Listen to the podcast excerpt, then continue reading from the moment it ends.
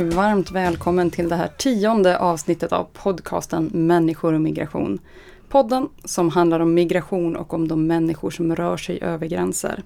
Jag som pratar nu heter Maja Dahl och jag är kommunikationsansvarig här på Arena Idé som ger ut den här podden. Och idag ska vi prata om arbetskraftsinvandring. Människor söker sig till andra länder in av flera olika skäl och många av de skälen har vi pratat om i den här podden innan. Men en anledning är ju jobb och en annan möjlighet till försörjning. Och det är just det vi ska prata om här idag. Vad finns det egentligen för lagar och regler för den personen som vill flytta till Sverige för att jobba? Och hur många människor är det som arbetskraftsinvandrar hit varje år? Med mig för att kunna besvara de här frågorna har jag som vanligt Arena Idés utredningschef, statsvetaren Lisa Pelling. Välkommen! Tack så mycket! Och vi har även den stora äran att ha TCOs utredare integration, migration och ungdomsfrågor som ska sitta med i regeringens utredning om arbetskraftsinvandring. Åsa Odin Ekman, välkommen! Hej! Tack så mycket för att jag fick komma. Vi är jätteglada att du kan vara här. Kan inte du berätta lite kort om den ut utredningen ni ska göra för regeringen? Mm. Eh, när det här poddavsnittet spelas in så har utredningens expertgrupp inte hunnit träffas än. Men eh, Utredningen kommer att se över arbetskraftsinvandrares ställning på arbetsmarknaden med syfte helt enkelt att titta på vad, vad det finns för svagheter i systemet som gör att man kan att det förekommer eh, exploatering och utnyttjande av dem och vad man skulle kunna göra åt saken. Det låter ju himla bra att ni sätter er och kollar på det. Men om vi då går över till att prata om arbetskraftsinvandring. Jag tycker att vi börjar från grunden. 2008 kommer de regler för, för arbetskraftsinvandring som gäller idag. Lisa, vad säger de? Ja, Sverige har en ganska unik lagstiftning när det gäller arbetskraftsinvandring eh, från 2008.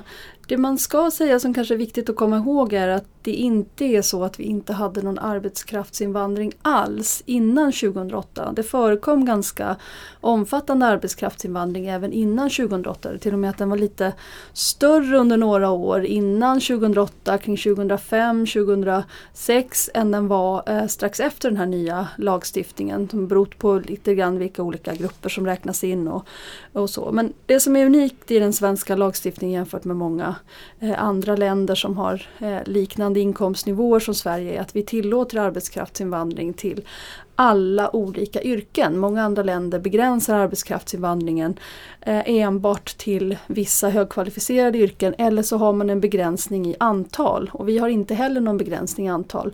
Utan den svenska lagstiftningen är gjord för att helt och hållet utgå ifrån svenska arbetsgivares behov av att rekrytera utomlands. Så det ska utgå från att är det en svensk arbetsgivare som inte kan hitta den kompetens som han eller hon efterfrågar i Sverige och inte heller på EU-nivå. För det säger ju lagstiftningen att man i första hand måste så att säga, utannonsera ett ledigt jobb inom EU.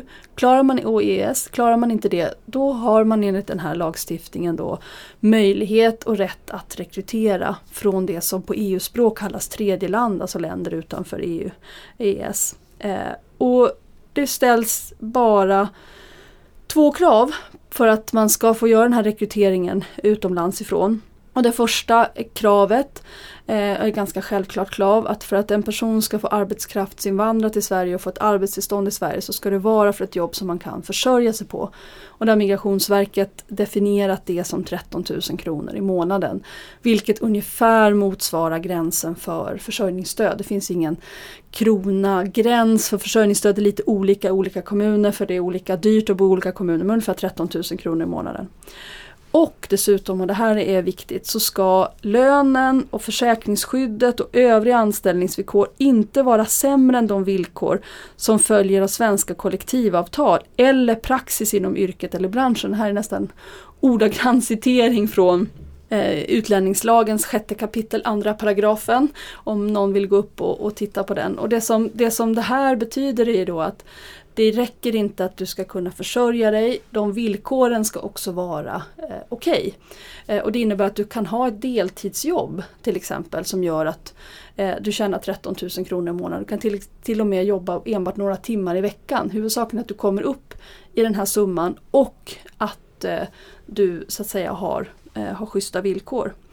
Eh, och det som är också är unikt med den svenska lagstiftningen är att till skillnad från många andra länder där arbetskraftsinvandring nästan alltid är någonting tillfälligt, arbetstillstånd är nästan alltid är någonting som man får för antingen enbart för den tid som man får ett erbjudande om ett jobb, det kan bara vara några månader eller ett år eller två år, så har det svenska systemet inbyggt i sig att man kan få permanent uppehållstillstånd. Och då är det konstruerat så att man får ett tillstånd första gången för max två år.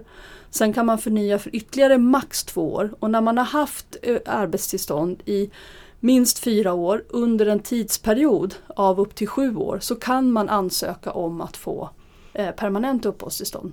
Så det innebär att om man återkommande jobbar i Sverige under en period av sju år och kommer upp i en summa av fyra års arbetstillstånd då kan man ansöka om att så att säga bosätta sig permanent i Sverige. Mm, något som har tillkommit åren efter att den här eh, stora reformen genomfördes 2008 eh, var möjligheten till det som kallas spårbyte. Och det är för personer som har fått avslag på sin asylansökan. Eh, de har möjlighet att då så att säga byta spår och ansöka om arbetstillstånd utan att lämna Sverige. Vanligtvis måste man göra ansökan om arbetstillstånd från ja, ett land utanför Sverige. Um, och de regler som gäller idag är att den ansökan ska lämnas in två, två veckor inom uh, det att man har fått sitt avslag. Man ska ha jobbat fyra månader um, för den arbetsgivaren. Och man ska ha anställningserbjudande om minst ett år. Så om man ska gå in på lite av de större dragen i reformen så kan man säga att en av de stora skillnader mot, skillnaderna mot det föregående systemet var att man avskaffade det som kallas arbetsmarknadsprövning. Tidigare utfärdades bara arbetstillstånd om det rådde brist på arbetskraft inom ett visst yrke. Eh, och arbetsmarknadens parter hade möjlighet att eh, liksom göra inlägg i den, i den processen, i den prövningen. I det nya systemet så finns det ingen sån prövning utan det som är helt styrande är huruvida det finns en arbetsgivare som vill anställa en person och då till villkor i enlighet med kollektivavtal. Eh, man brukar ju därför beskriva det som en efterfrågestyrd modell. Eh, att det är den enskilda arbetsgivarens behov av arbetskraft som styr utfallet av arbetstillstånd. Men jag tycker att det är viktigt också eh, tillägga att liksom, i princip så är arbetsvillkoren den viktiga reglerande principen.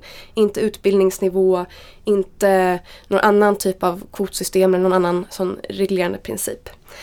Eh, och det var väldigt mycket som var bra med den här reformen och den här stora förändringen. Eh, det är ett system som i sin konstruktion är framtaget för att möjliggöra större öppenhet.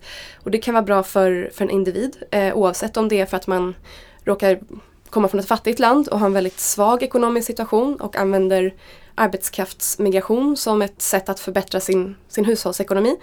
Eller om det är så att man eh, kanske helt enkelt vill testa på att leva i ett annat land. Eh, oavsett så kan man som individ kan man, få ut, kan man tjäna på det.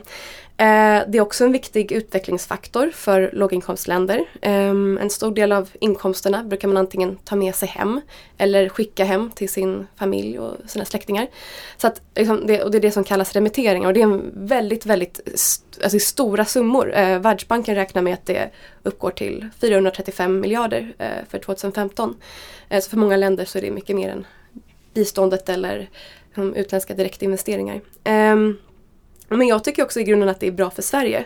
uh, för att det gör det lättare att ta hit olika typer av kompetens. Så det behöver ju inte ha att göra med huruvida det är ett bristyrke eller inte utan man kan ha en speciell kompetens eller liksom en, göra, vara värdefull för arbetsgivaren på ett annat sätt. Um, så att ett fungerande system för arbetskraftsinvandring är en viktig fråga för att vara del av en global ekonomi. Uh, om jag ska tillägga något liksom, absolut sista då ehm, är att det finns ju till exempel de som jobbar med papperslösa som menar att ett system som tillåter arbetskraftsinvandring för alla olika typer av yrken är ett viktigt sätt att motverka exploateringen av papperslösa. I många länder så finns det ingen möjlighet eh, att jobba legalt eh, som tredjelandsmedborgare inom vissa yrken och det gör att människor har ingen möjlighet att byta från illegal status till legal status. Mm. Um, och det är ett stort problem. Det här är någonting som man mm. brukar lyfta upp som en av de viktigaste lagliga vägarna som man skulle behöva öppna till EU överhuvudtaget. Alltså en laglig väg för de människor som efterfrågas av europeiska arbetsgivare till lågkvalificerade yrken för att jobba inom jordbruket, restaurangsektorn. Som idag rekryteras men inte har någon möjlighet eh, ofta att, att rekryteras legalt utan är tvungna att smugglas över Medelhavet och lever ett väldigt utsatt, eh, i en väldigt utsatt position som papperslösa. För när man pratar om papperslösa så är det alltså personer som befinner sig i landet men inte har några lagliga dokument för att vara här. Har jag förstått det? Ja. Precis. Ja, precis. Papperslösa det är en väldigt blandad grupp. Det kan ju vara personer som har haft ett uppehållstillstånd som har gått ut. Eh, Det kan vara personer som har fått avslag på en asylansökan. Det kan vara personer som aldrig ens har gjort Mm. någon typ av ansökan om uppehållstillstånd eh, överhuvudtaget. Så det, det är en blandad grupp. Eh, men i många länder så arbetar de inom sådana yrken som det inte heller finns någon möjlighet för dem att arbeta i lagligt. eh, Så att säga. Så de kan, det finns ingen chans för dem att omvandla sin status så att de skulle få papper. Jag skulle understryka det som, som Åsa sa, den tidigare reglerande principen var att man tittade på de yrken där man upplevde att det fanns eh, efterfrågan av arbetskraft till Sverige. Och det var eh, Eh, Arbetsmarknadsstyrelsen, den tidigare den som nu heter Arbetsförmedlingen som gjorde en sån. De gör fortfarande en sån rangordning av yrken där det råder efterfrågan och en, en, en, en eh, yrken där det snarare är överskott på personer som kan ta de här yrkena. Och sen så sa man att det är inte rimligt att arbetsgivare rekryterar från tredje land till yrken och jobb där det redan finns en överskott av sökande i Sverige.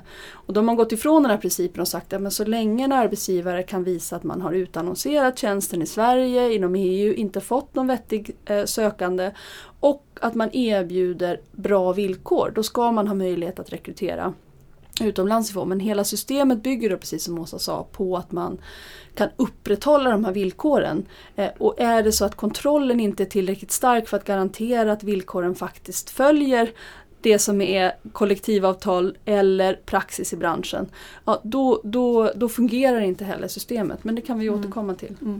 För nu pratar ni lite grann om ändå det som är bra med dem, det regelsystem som finns idag. Men jag vet att ni inom TCO har en hel del kritik mot nuvarande regelverk. Kan, kan du sammanfatta lite grann om, av den kritiken, Åsa? Problemet ligger mycket i hur man har valt att utforma regelverket och hur man har valt att säkerställa att villkoren efterföljs. Det regelverket menar ju vi då har möjliggjort på olika sätt att man kan utnyttja arbetstagare eh, inom ramen för arbetskraftsinvandring och att man misslyckas eh, med att garantera de villkor som systemet ska bygga på. Vi har ju sett väldigt många väldigt uppmärksammade fall eh, även i media då med olika grupper, specifika yrkesgrupper som utnyttjas till exempel bärplockare, skogsarbetare med mera. Det är en sån återkommande grej. Sen finns det ju förstås massa fall som aldrig uppmärksammas och en massa personer som aldrig driver sina fall vidare. Så som systemet är eh, utformat, för att få ett arbetstillstånd så måste du ha en arbetsgivare i Sverige som skickar dig ett anställningserbjudande. Det här anställningserbjudandet bifogar du med din ansökan om arbetstillstånd. Eh, sen ges det relevanta fackförbundet möjlighet att se över de villkor som specificeras i anställningserbjudandet för att se att de stämmer överens med det relevanta kollektivavtalet. Eh, om så är fallet så kan du då beviljas eh, arbetstillstånd. Problemet är att det här anställningserbjudandet är inte bindande. För det är alltså inget anställningsavtal. Eh, så det som då kan hända är att när du väl är på plats i Sverige så får du ett anställningsavtal med helt andra villkor. Eh, och då kan man kanske tänka att då är det väl bara att tacka nej till det eh, och kräva kräva de villkor som man blev lovade. Men fullt så enkelt är det ju ofta inte. Utan många som arbetskraftsinvandrare har till exempel skuldsatt sig för att finansiera sin resa. Eller har på andra sätt investerat väldigt mycket i att komma till Sverige. Eh, och då har man förstås helt enkelt utgått ifrån att de villkor som erbjuds och som då myndigheterna har sett över, som facken har sett över, är de som kommer att gälla. Och om de plötsligt förändras eh, så kan ju dels hela kalkylen för resan eh, falla samman och det kanske inte ens går runt. Eh, men det faktum att man kanske just har skuldsatt sig kan också innebära att man är i en väldigt svag förhandlingssituation. Eh, det blir väldigt svårt att protestera mot dåliga villkor och låga löner därför man behöver verkligen pengarna. Eh, Så att regelverket är utformat på det här sättet utan bindande anställningsvillkor. Det är ett jätteproblem. Ehm, det gör att man i praktiken inte kan garantera att de villkor som är en förutsättning för utfärdandet av arbetstillståndet faktiskt kommer att gälla. Eh, Och det här är en fråga som eh, den här utredningen kommer att titta på. Eh, och då, till exempel om det är så att man kan göra de här eh, anställningsvillkoren bindande eh, så under ansökningsprocessen. Mm. Men det finns också ett annat stort problem. Och det är att så som regelverket är utformat så finns det ingen bra sanktion mot arbetsgivare som då till exempel eh, utnyttjar arbetskraften. Eh, när fusk eller exploatering uppdagas så är det ofta i praktiken arbetskraftsinvandraren själv som drabbas därför att konsekvensen av att man har brutit mot reglerna är att man drar in arbetstillståndet. Och det gör det återigen väldigt svårt för en enskild individ att protestera eller att säga ifrån eller driva sitt ärende eftersom de riskerar att bli den som drabbas hårdast själv i slutändan. Eh, det gör det också väldigt svårt för fackliga organisationer att driva deras ärenden för att de, ja, de, det är samma problematik. Det är svårt att driva ett ärende om man vet att det är arbetstagaren som kommer att förlora. Eh, så att en betydligt bättre ordning vore om man till exempel skulle införa en sanktion mot den arbetsgivaren så att de skulle vara skyldiga att betala ut eh, något slags skadestånd eller liksom motsvarande de arbetsvillkor som arbetstagaren blev lovad. Så att om man säger generellt situationen när man är en arbetskraftsinvandrare eller migrerande arbetstagare eller vilken benämning nu man vill använda så är det att man har en ganska ojämn maktrelation mellan arbetstagare och arbetsgivare. Därför att ditt uppehållstillstånd är beroende av ditt arbete. Det är liksom grunden till att du kan befinna dig i Sverige. Eh, och det i sig eh, gör det ju svårare förstås alltid att protestera mot orimliga krav från ens arbetsgivare. Och det här regelverket är då utformat på ett sådant sätt att det på många sätt förstärker och fördjupar den ojämna maktrelationen. Så när man såg över regelverket 2012 så införde man en del nya åtgärder, en del liksom ytterligare kontroller och så vidare. Men jag menar att man stärkte inte alls liksom, ställningen för arbetskraftsinvandraren. Eh, och då är det svårt för den personen att hävda sin rätt och det är svårt för de här kontrollerna att faktiskt gagna den individen. Eh, de utsätts fortfarande för samma risker då. Eh, så att min, min mening är väl att det räcker inte med kontroller, det räcker inte med prövningar och så vidare utan man måste fokusera på att ge arbetstagaren reella rättigheter och reella möjligheter att säga ifrån när det sker oegentligheter. Mm. Jag håller, jag håller helt med Åsa, det är en bra beskrivning. Jag, jag, jag skulle vilja lägga, lägga till att det svenska systemet är eh, försåtligt och kan utsätta arbetstagaren i en utsatt position eftersom det ger intryck av att vara så tryggt. Alltså du, du får ett erbjudande om ett jobb i Sverige och arbetsgivaren skriver till dig skriftligen Du kommer att få den här timlönen, du ska jobba så här många timmar per dag, så här många timmar i månaden, du har försäkring, motsvarande kollektivavtal.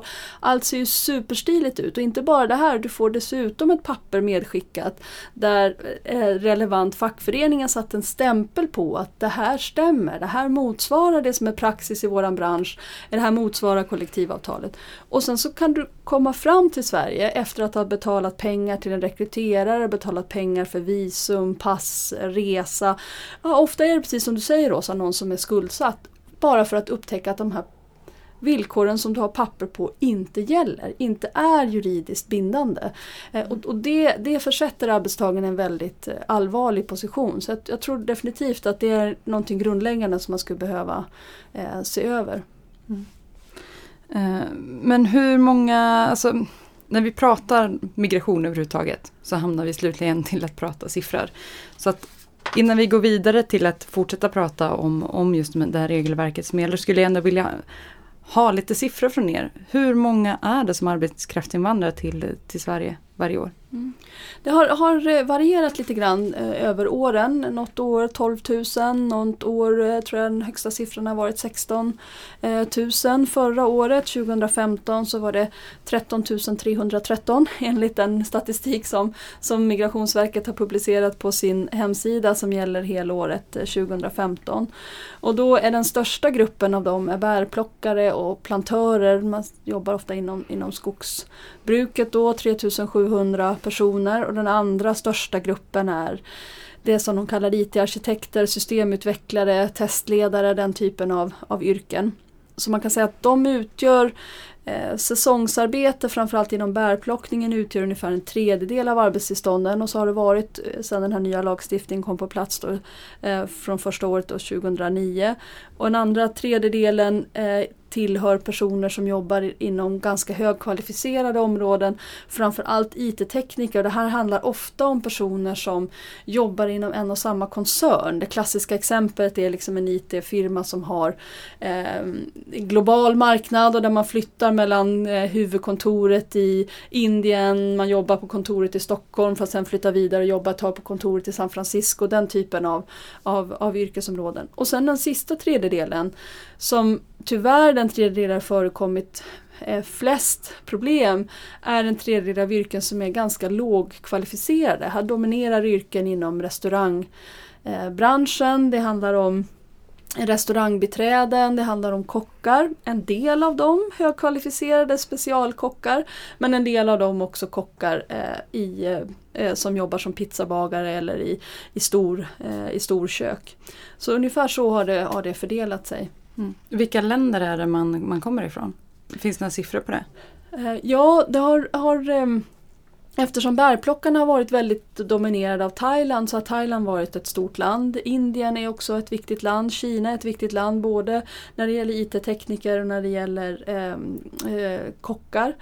Eh, men sen finns det också en hel del som kommer från samma länder, någonting som jag har uppmärksammat, som också är de länder som ger upphov till asylinvandring till Sverige.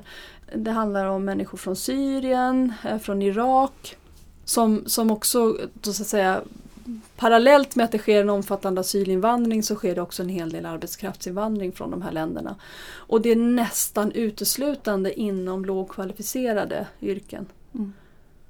Nu är vi inne lite grann på, på att prata olika yrkesgrupper och vi har pratat en del om eh, de, den problematik som finns med det system vi har idag.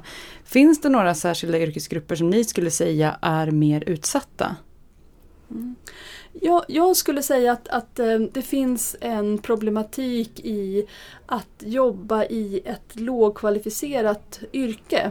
För är du den här IT-tekniken som är högkvalificerad, som har en kompetens som kanske inte alls finns i Sverige, eh, så har du en global arbetsmarknad. Är det så att din, din arbetsgivare i Sverige ger dig dåliga villkor, behandlar dig illa, ja då har du liksom alternativ. Då kan du flytta vidare till kontoret i San Francisco och andra. Är det så att du jobbar eh, inom restaurangbranschen, som städar i Sverige, då anar man att det är någonting annat än din särskilda individuella kompetens som arbetsgivaren efterfrågar. Min eh, analys av det är att det handlar om människor som kommer till Sverige som arbetskraftsinvandrare för att man söker skydd i Sverige men inte kan få asyl och därför så att säga kommer som arbetskraftsinvandrare för att ha en möjlighet att få ett, ett uppehållstillstånd. Och då är man väldigt utsatt eftersom man riskerar väldigt mycket om man blir av med jobbet. Det är inte bara det så att man förlorar de pengar man har investerat i att komma eh, hit. Man riskerar också att skickas tillbaka till ett land där man upplever att man inte är säker, som man behöver eh, skydd ifrån. Eh, och det här gör ju att arbetsgivaren kan sätta en väldig press på eh, villkor, löner. Eh, jag skulle vilja säga att man kan prata om liksom lager på lager av utsatthet. Brist på kompetens som du kan använda i Sverige. Du kan ju vara läkare men har du inte hunnit lära dig svenska eller, eller validera dina betyg så kanske du ändå jobbar som städare. Så det handlar inte om hög och lågkvalificerade personer utan personer som jobbar inom hög och lågkvalificerade jobb. Ehm, du jobbar in, du kommer från länder där det är ett osäkert politiskt eh, läge, höga eh, våldsnivåer. Eh, och så eh, kan, det, kan det vara så dessutom att eh, eh du jobbar inom branscher där det generellt sett är svårt att upprätthålla löner och villkor där kollektivavtalstäckningsgraden är låg till exempel. Där facket har svårt att nå fram och kontrollera alla arbetsplatser. Så det blir liksom lager på lager av utsatthet. Man kanske kan se också någonting om grund Ehm, alltså, hur mycket pengar personen kanske har i början också. Har du inom högkvalificerade yrken och du är intagen för att jobba som specialist på ett IT-företag. Så kanske det inte är hela din, din eh, förmögenhet som du satsar på att ta dig till Sverige. Men om du snarare tas in som på ett mer lågkvalificerat yrke. Som vi har fått se många bärplockare som lägger väldigt mycket, stor del av, av de pengar de Absolut. har för att ta sig hit. Absolut, då kan man definitivt vara mer utsatt av, av, av den anledningen. Eh, och det här eh, just kring bärplockarna sätter ju också strålkastarljuset på själva rekryteringen. Eh, den här lagstiftningen som Sverige har eh, säger ju ingenting om hur personer ska hitta fram till en arbetsgivare i Sverige. Det förutsätts nästan att man eh, löser det själv. Men vi vet att arbetskraftsinvandrare på global nivå nästan alltid måste anlita en rekryterare. Och att Eh, det svenska systemet är efterfrågestyrt i den eh, meningen att det är en svensk arbetsgivare som förutsätter sig efterfråga arbetskraft utomlands ifrån. Men vi vet att det många gånger är utbudsstyrt. Det är en person i Irak som behöver en möjlighet att söka sig bort från Irak som aktivt söker upp en svensk arbetsgivare som kan ge ett jobb. Och det här aktiva uppsökandet går ofta via en rekryterings firma, en mellanhand av något slag som tar betalt för sina tjänster. Eh, och det vet vi från globala undersökningar det här ofta tar oskäligt betalt. Eh, så man skulle behöva komplettera den svenska lagstiftningen för arbetskraftsinvandring med regler för rekryteringsfirmor och med möjlighet att undersöka under vilka villkor folk har rekryterats och så. Jag skulle samtidigt vilja eh, komplicera och komplettera den bilden lite. Eh, en väldigt stor av den, del av den mediala bevakningen av de problem som har förekommit inom arbetskraftsinvandring har eh, fokuserat på fall inom yrken och branscher med låga krav på eh, utbildning.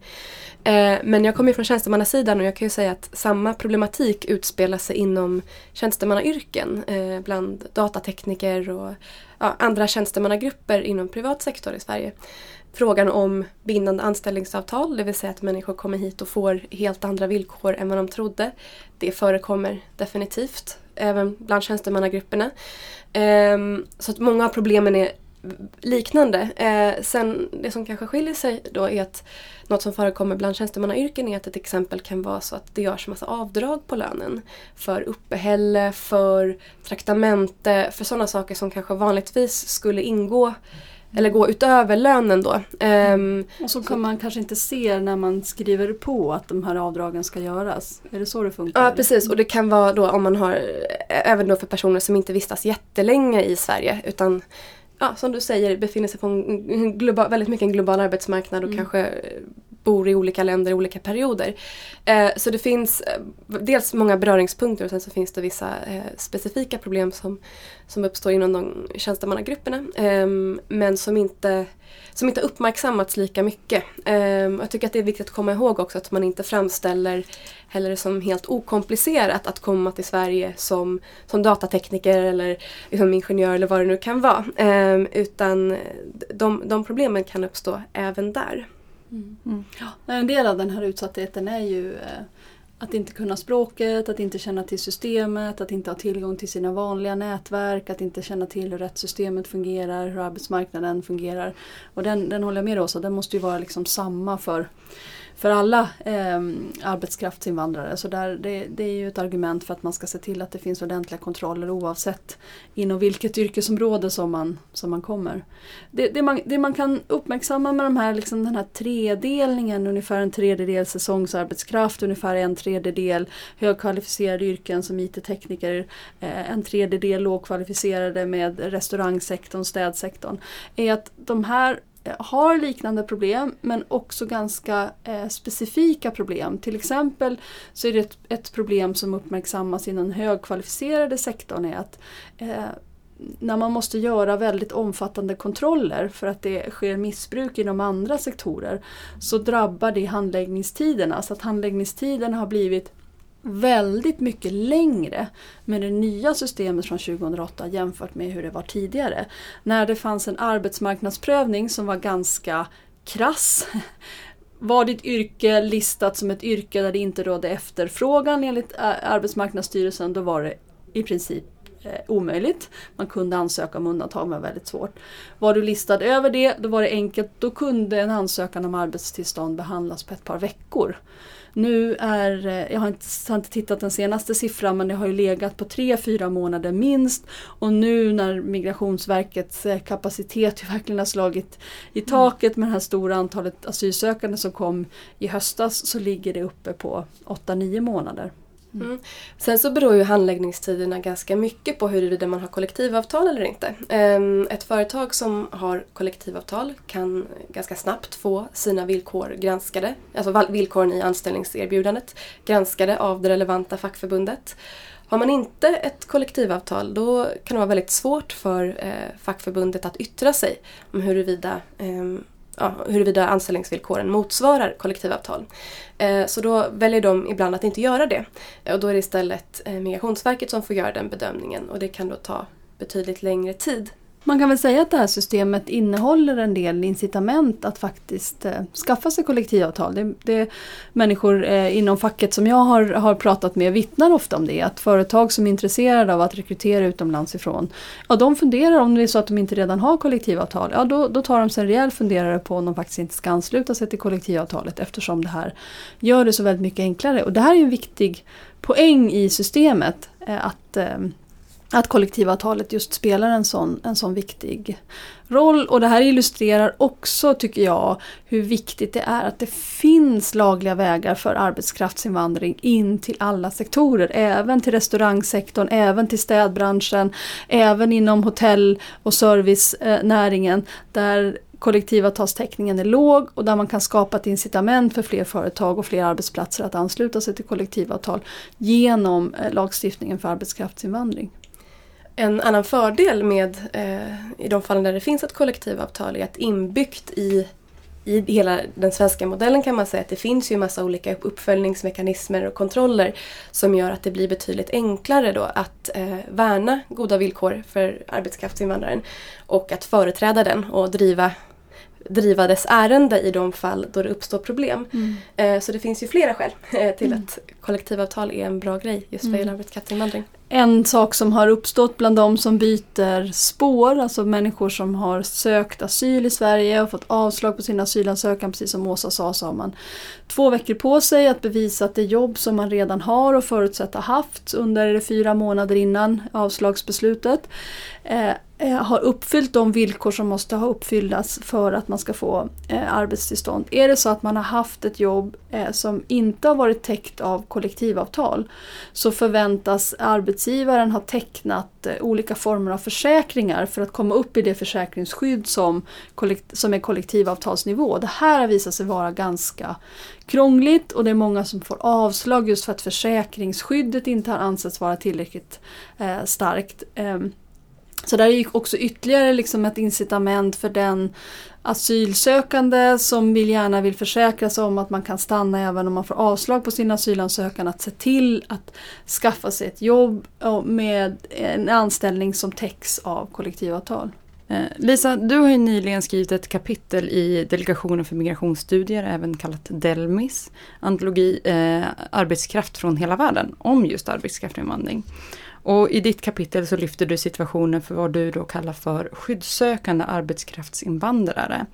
Eh, och som jag förstår det är det en grupp som är särskilt utsatta på den svenska arbetsmarknaden. Kan inte du berätta för våra lyssnare dels vad det här är för grupp och vad du kom fram till? Mm.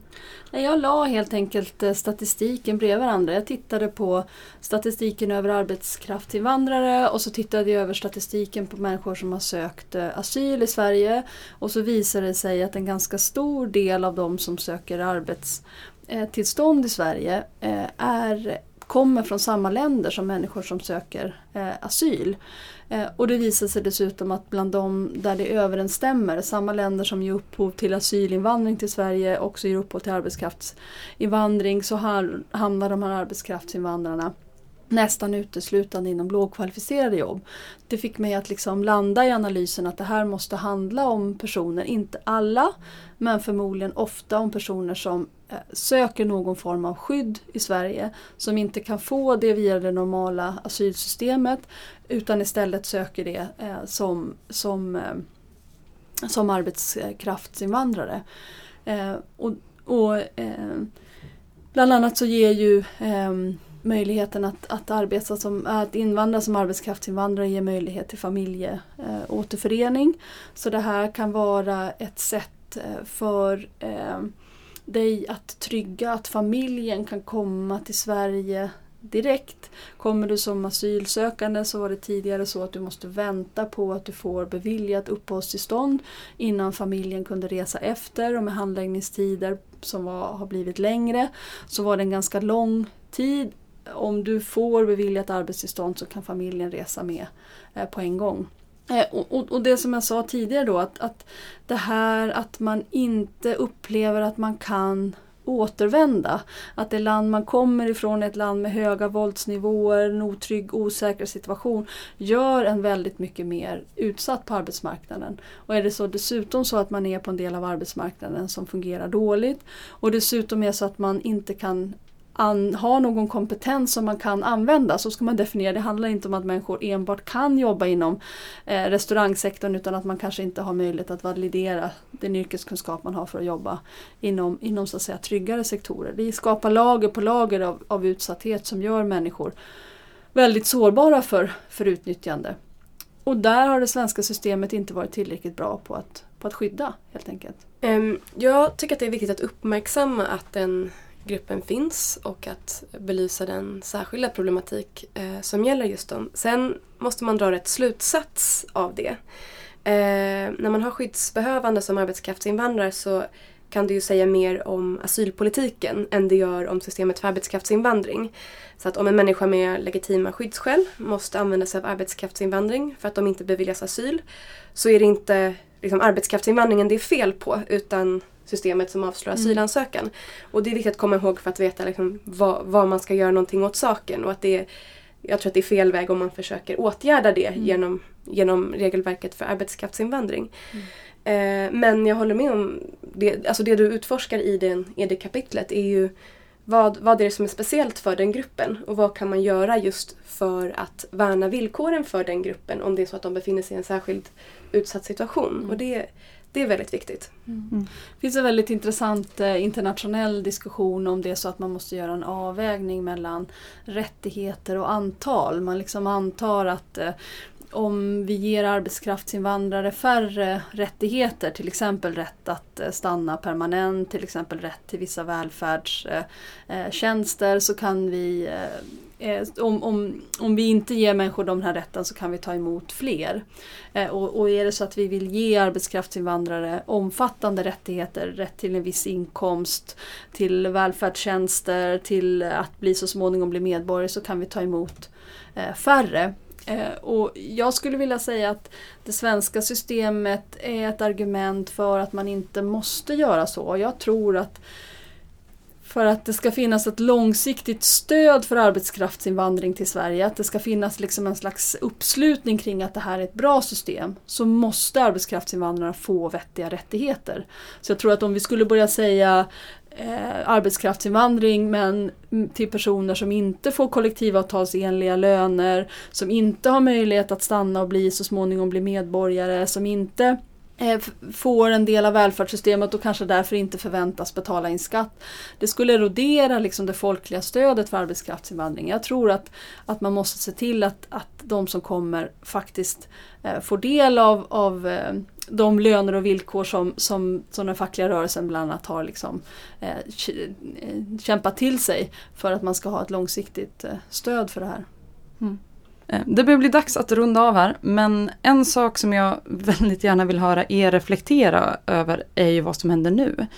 Nu när de tillfälliga uppehållstillstånden gäller för alla utom just kvotflyktingar, en grupp som de senaste åren utgjort ungefär 2% av den totala invandringen till Sverige. Hur påverkar de här nya reglerna, att det är tillfälliga uppehållstillstånd för alla istället för permanenta. Hur, hur påverkar det liksom just gruppen arbetskraftsinvandrare? Kan man se, kan man eh, ana någon förändring nu framåt? Det är en svår fråga att svara på. Eh, själva regelverket för arbetskraftsinvandringen påverkas ju inte av förändringarna i asylpolitiken. Ehm, men man skulle kunna tänka sig att det är många fler som skulle försöka använda sig av arbetskraftsinvandring som ett sätt, eh, dels förstås att komma till Sverige överhuvudtaget. Eh, dels att få uppehållstillstånd som är längre än ett år. Och slutligen liksom, ta, kunna ta med sig sin familj. Ehm, det är jättesvårt att spekulera om i vilken utsträckning det här kan tänkas förekomma. Ehm, men det är absolut en, en, en möjlighet eller en risk beroende på hur man vill se på det. Det man med all säkerhet kan säga är att man riskerar att föra in en del av problematiken som rör arbetskraftsinvandringen in i asylpolitiken. Ehm, um, tillfälliga uppehållstillstånd kommer att bli den nya huvudregeln eh, med ettåriga tillstånd för den som söker skydd på grund av krig och konflikt.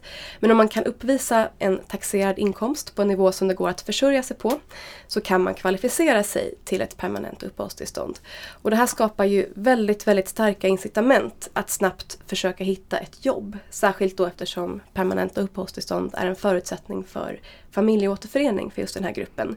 Eh, och alltså, utöver att det här kan ha jättenegativa effekter på integrationen och så vidare så skapar det just det här starka beroendet av arbetsgivaren vilket i sin tur kan innebära att personer får arbeta under väldigt dåliga löner och villkor och precis som i de värsta fallen av exploatering av arbetskraftsinvandrare de saknar reell möjlighet att säga ifrån därför att arbete är så att säga vägen till permanent uppehållstillstånd. Och den taxerade inkomsten var 13 000 i månaden? Precis, så det är samma nivå som gäller då. Mm. Mm. Och det är ju inte jättehög lön.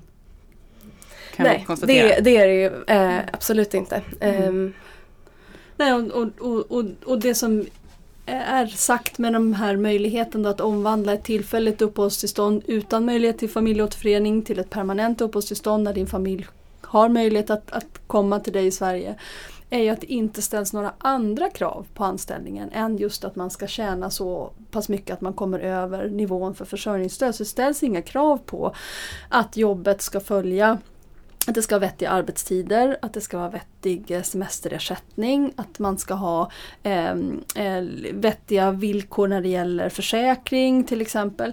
Eh, vilket eh, ju sätter press neråt på villkor och, och, och, löner i de branscher där det är relativt enkelt för nyanlända att få jobb. Eh, man ska inte överdriva det här för att det, det handlar om, om, det var 163 000 asylsökande förra året. Inte alla de kommer att få ens eh, tillfälliga uppehållstillstånd. Vi är ett stort land på 10 miljoner människor. Man ska inte liksom överdriva konsekvenserna för hela arbetsmarknaden men det kommer att finnas delar av arbetsmarknaden som tyvärr är de delar av arbetsmarknaden som redan idag fungerar ganska dåligt med låg kollektivavtalstäckning, svårigheter att upprätthålla rimliga löner och villkor. Där många nyanlända kommer att få sitt första jobb och de kommer att vara eh, tyvärr ganska skyddslösa för att vi vet att kontrollerna inte fungerar tillräckligt bra. Och de kommer att vara eh, väldigt utsatta. Och det här, det, ja, jag, jag är orolig för det här. Eh, men det finns ju de som skulle gå in nu och argumentera för att vägen in i det svenska samhället, vägen in till integrationen är ett jobb. Är det då inte bra att de här människorna har ett så starkt incitament att väldigt snabbt skaffa sig ett jobb då? Jag håller helt med om att arbete är en väldigt, väldigt viktig del av integrationen. Att det är en förutsättning för att vi ska lyckas med integrationen av de människor som har kommit till Sverige och som vill bygga ett nytt liv här. Frågan är hur man går tillväga. Och det som jag tror är en väldigt viktig utgångspunkt är att man ska ta tillvara på den kunskap och den kompetens som människor har. De erfarenheter de har sedan tidigare. Och det som då är problemet eh, med eh, den här nya ordningen att man ska omvandla tillfälliga uppehållstillstånd till permanenta uppehållstillstånd genom arbete är att det skapar ett väldigt starkt incitament att hitta vilket jobb som helst. Eh, och det gör att man kanske inte deltar i mer långsiktiga validerings och eh, utbildnings och liksom, etableringsinsatser eh, utan tar ett jobb som inte alls är i linje med ens kvalifikationer. Och det är ju förstås både ett problem för den individen eh, men jag tror i grunden också att det är någonting som vi i vårt som samhälle förlorar på. Att vi inte förmår ta tillvara på de som kommer hit. Eh, och det är någonting vi kommer se tillbaka på som ett, ett misstag som vi har begått eh, under den här perioden. Mm.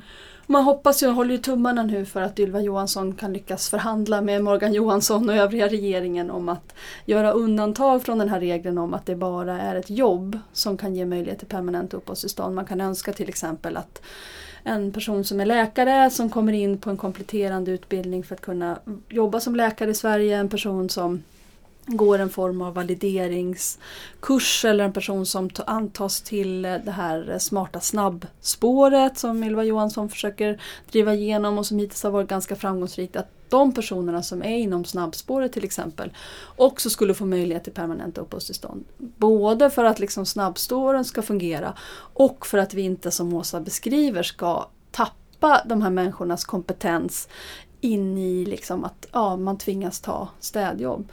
Det, det, finns ju också en annan konsekvens av det och det är ju att risken är att, att väldigt högutbildade, högkvalificerade asylsökande och då nyanlända när man fått sitt uppehållstillstånd konkurrera ut personer som verkligen skulle behöva de här lite mer lågkvalificerade jobben.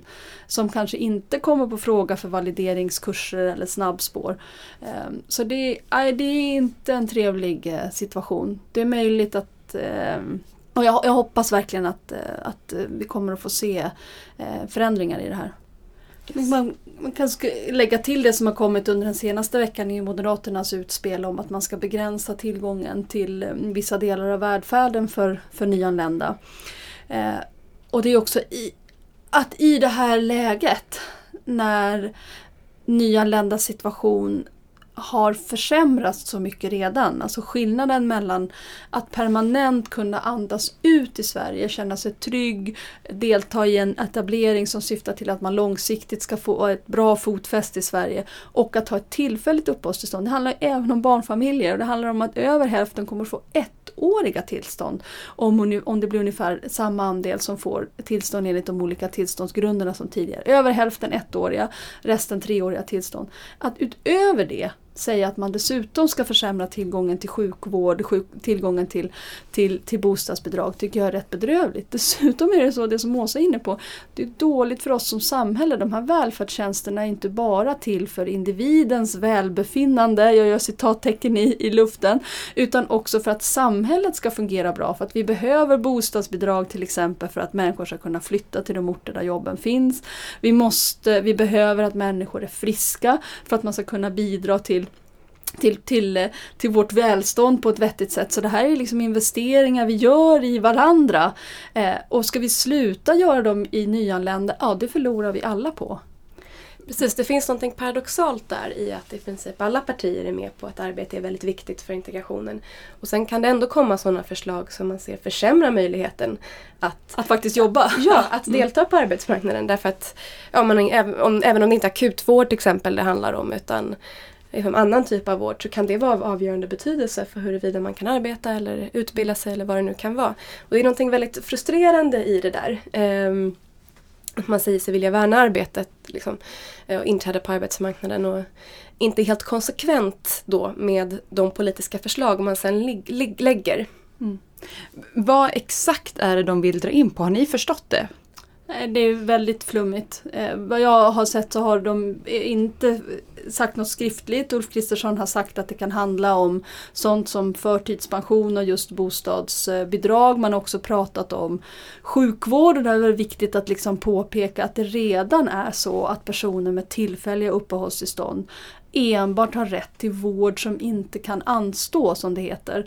Som Socialstyrelsen och en rad eh, människorättsorganisationer redan har kritiserat för att inte vara eh, så att säga konformt med de internationella konventioner som vi har undertecknat när det gäller människors rätt till, till vård. Det är ju någonting så grundläggande att en läkare som, som stöter på en patient ska ge den personen vård utan att diskriminera eh, av vilken anledning som du har som du befinner dig i Sverige. Men det är alltså redan regeln, vård som inte kan anstå och det här vad, jag, vad vi har förstått det eh, vill Moderaterna inskränka då ytterligare.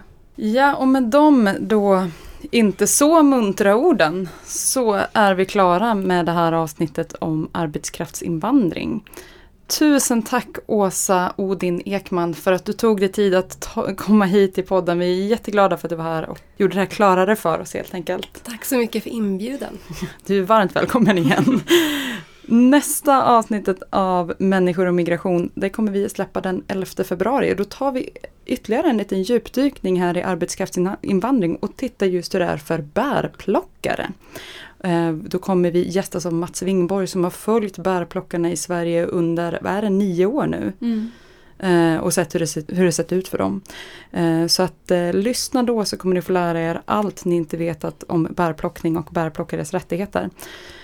Om ni fram tills dess inte klarar er utan att lyssna på någonting som Arena Idé släppt så lyssna gärna på vår syskonpodd Pengar och politik som just nu tar ett rejält grepp om integrationsfrågorna och hur det ser ut ur ett samhällsekonomiskt perspektiv. Lyssna jättegärna på deras senaste avsnitt där de tar sig an Finanspolitiska rådets utspel om eh, sänkta lägsta löner för så kallade flyktingjobb. Eh, så lyssna på det, ni hittar dem både på iTunes och valfri poddapp och Soundcloud. Ni kan även lyssna på Arena Play, där lägger vi på Arena Idé upp de seminarier som vi eh, arrangerar här. Det som kan vara lägligt att lyssna på efter att ha hört det här avsnittet är inspelningen från integrationen och arbetets marknad. Seminariet som vi hade vid lanseringen av Jenny Larssons avhandling om etableringsreformen. Mycket värt att lyssna på där bland annat eh, Ylva Johanssons eh, statssekreterare Erik Nilsson kommenterar eh, avhandlingen och Erik Ullenhag som är, kan man kalla en pappa till etableringsreformen. Ja, det kan man göra. Han kommenterar och bemöter det som Jenny Larsson lyfter i avhandlingen. Gå in och lyssna på det via Arena Play som ni hittar både på Soundcloud eller iTunes eller valfri poddapp där också. Vi är i alla fall tillbaka om två veckor. Då ska det pratas bärplockning. Har ni frågor eller kommentarer på dagens avsnitt så kan ni göra det antingen genom att twittra till oss på attarenaidé. Kan man twittra till dig Åsa? Eh, ja, jag twittrar. Eh, du hittar mig på asaoe. Eh, jag bloggar även på TCOs utredarblogg www.utredarna.nu och där har jag skrivit en hel del inlägg om arbetskraftsinvandring och andra frågor som gör rör migration. Så läs gärna där. Att asa OE. Mm. Eller till, till dig Lisa? Ja, Lisa understreck Pelling. Jajamän, eh, man hittar er lätt alltså på Twitter. Och så kan man gå in på Facebook-sidan Människor och migration. Skriv de frågor ni har där eller kommentarer. Vi tar jättegärna emot allting sånt. Men det var allt för idag. Tusen tack för att just du lyssnade. Vi hörs igen om två veckor. Tack!